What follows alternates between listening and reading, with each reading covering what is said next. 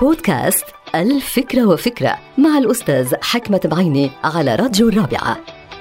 الشوق مصدر من مصادر السعادة لأنه بيمثل الرجوع إلى الماضي الجميل والحنين إلى اللحظات الجميلة مع الأهل والأصدقاء والجيران هو جزء من مشاعر اللهفة إلى استعادة الماضي. ولكن هذا الشوق هو أيضا مصدر من مصادر الحزن والأسى على الماضي الجميل اللي رحل ولا الشوق بالإنجليزية نوستالجيا وأصل الكلمة يوناني وتعني الألم المرتبط بذكريات الطفولة أو الوطن فهل هذا النوع من الألم مفيد أو مؤذي للدماغ؟ هل الشعور باللهفة هو مجرد شعور عابر أم له آثار سيكولوجية على من يتلهف ويتشوق لذكريات الماضي؟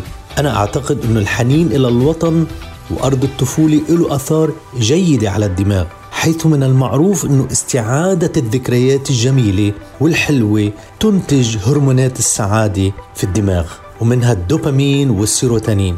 ولكن من مخاطر الحنين إلى الماضي هو أيضا الاكتئاب إذا ما اقترن طبعا بتقلبات مزاجية سيئة نتيجة هذا الحنين. فلا تتجنب النوستالجيا والشعور بالحنين إلى الماضي لأنها مفيدة للدماغ. ولكن لا تدع النوستالجيا تتلاعب بمشاعرك وتغرق دماغك في بحر الأشواق الملتهبة بالحزن والأسى والاكتئاب. انتبه انتبه كيف تتعامل مع النوستالجيا.